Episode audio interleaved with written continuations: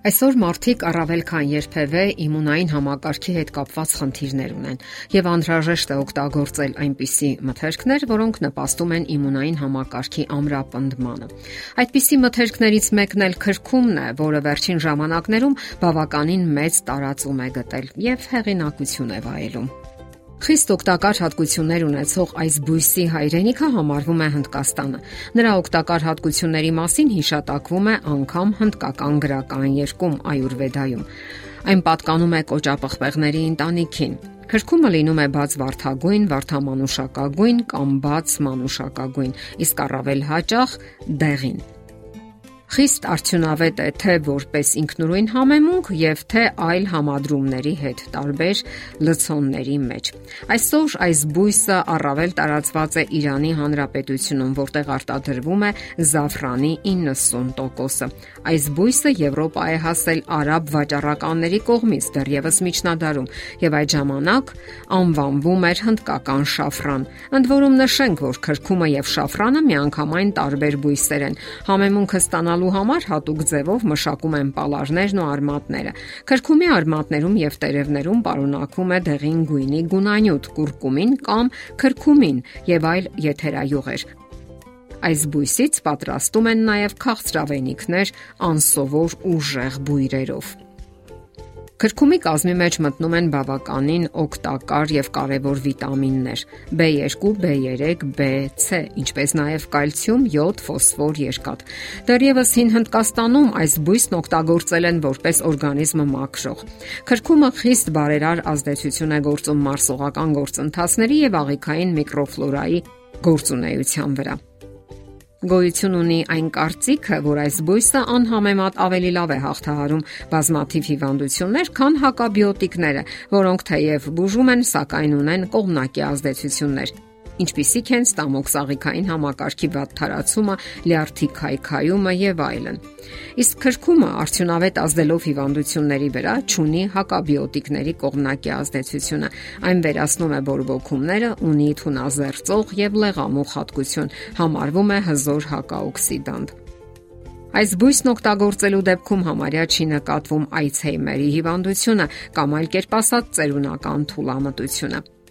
Քրքումը դրական ազդեցություն է գործում նաև մաշկի վրա, թե արտաքին, թե ներքին օգտագործման դեպքում։ Քրքումն օգտակար է նաև ծանր հիվանդություններից հետո վերականգնողական շրջանում, երբ օրգանիզմը հյուծվել է եւ զրկվել կենսական ուժերից։ Քրքումը սատարում է օրգանիզմին, այն պահում բավարար վիճակում մաքրում արյունը։ Խորհուրդ է տրվում օգտագործել նաև այն մարդկանց, ովքեր տառապում են շաքարային դիաբետով կամ ունեն ճարպակալման հետ կապված հիմնախնդիրներ։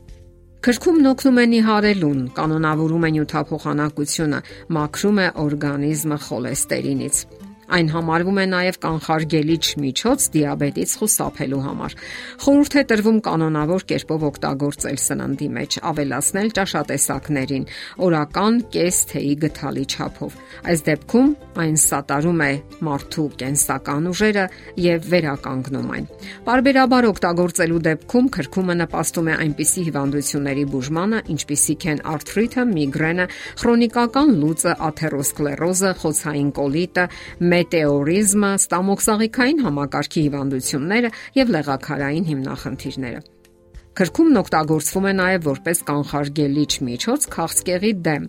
կանգնեցնելով նրա զարգացումը։ Քրոնիկական լուծը բուժելու համար հարկավոր է քրքումի 1 թեյի գթալ փոշին լուծել 1 բաժակ ջրի մեջ։ Այս նույն տեղատոմսը հարմար է նաև բորբոքված եւ արյունահոսող լնդերի դեպքում։ Այրվածքների համար պատրաստում են մածուցիկ զանգված, քրքումին ավելացնելով ալոեի կամ հալվեի հյութ։ Քրքումը հաջողությամբ օգտագործում են նաև մրսածության հիվանդությունների ժամանակ, հիվանդ կոկորտի եւ հազի դեպքում։ Ֆարինգիտի դեպքում կեսթեի գթալ քրքումի փոշին խառնում են 1 գթալ մեղրի հետ։ Այս խառնուրդն անհրաժեշտ է օրը 3 անգամ պահել բերանի մեջ, մի քանի րոպե։ Իսկ որpիսի քրքումը կարողանա դրսևորել իր բոլոր օգտակար հատկությունները, հարկավոր է կանոնավոր օգտագործել այն մի քանի օր անընդմեջ։ Գիտականորեն ապացուցված է նրա արդյունավետությունը քաղցկեղի, մանկական լեյկեմիայի, քրոնի եւ ինչպես նշեցինք, Այցհեյմերի հիվանդության կանխարգելման համար, ինչպես նաև աղիների բորբոքային հիվանդությունների շագանակագեղձի քաղցկեղի կանխարգելման գործում։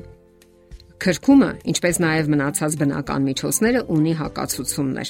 Այն շատ ուժեղ ազդեցություն ունի օրգանիզմի վրա եւ հարկավոր է պահպանել զգուշության որոշ կանոններ։ Զգույշ եղեք հատկապես այն դեպքերում, երբ օգտագործում եք դեղորայքային միջոցներ։ Անպայման խորհրդակցեք ձեզ բուժող բժշկի հետ, որpիսի խուսափեք անցանկալի հետևանքներից։ Բժշկի հետ պետք է խորհրդակցեն նաև քրոնիկական հիվանդություններով տառապողները, ովքեր ցանկանում են օգտագործել քրքում կամ ուրիշ ուժեղ ազդեցություն ունեցող բուսական միջոց։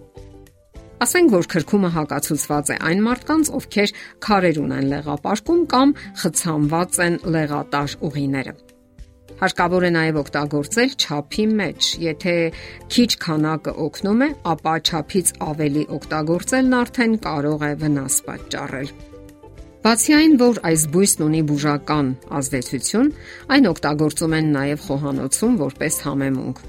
Ունի մի քիչ այրող հատկություն եւ թարմություն է հաղորդում, նաև երկարաձգում մթերքի պիտանելիության ժամկետը։ Այսօր բոլորին քաչ հայտնի հնդկական քարի կոչվող համեմունքի բաղադրության մեջ մտնում է նաև քրքումը։ Ունենալով սուր, հաճելի համ եւ բույր, այս բույսն օգտագործում են նաեւ մսային, ձկնային, բանջարեղենային ճաշատեսակների մեջ։ Ավելացնում են նաեւ սալատներին, օգտագործում են նաեւ որպես նուրբ գունանյութ, ավելացնելով յոգուրտների, պանիրների, յուղերի բաղադրությանը։